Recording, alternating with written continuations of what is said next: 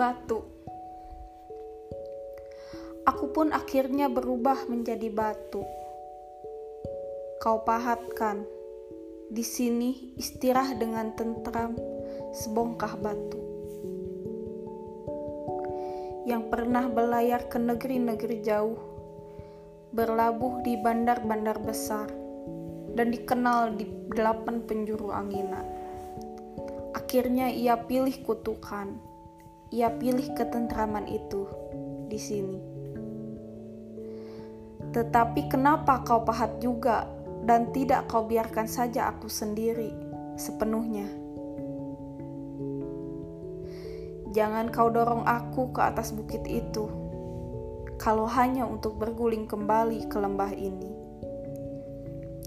Aku tak mau terlibat dalam helaan nafas, keringat, harapan, dan sia-siamu.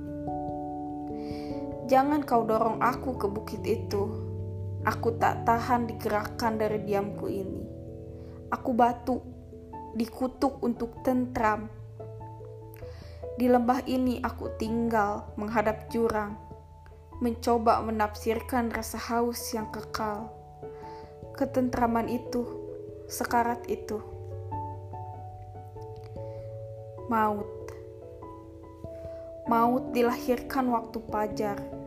Ia hidup dari mata air.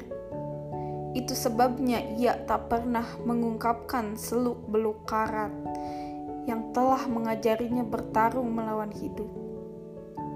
Ia juga takkan mau menjawab teka-teki senjakala yang telah menghabiskannya menjadi penjaga gerbang itu. Maut mencintai fajar dan mata air dengan tulus. 1991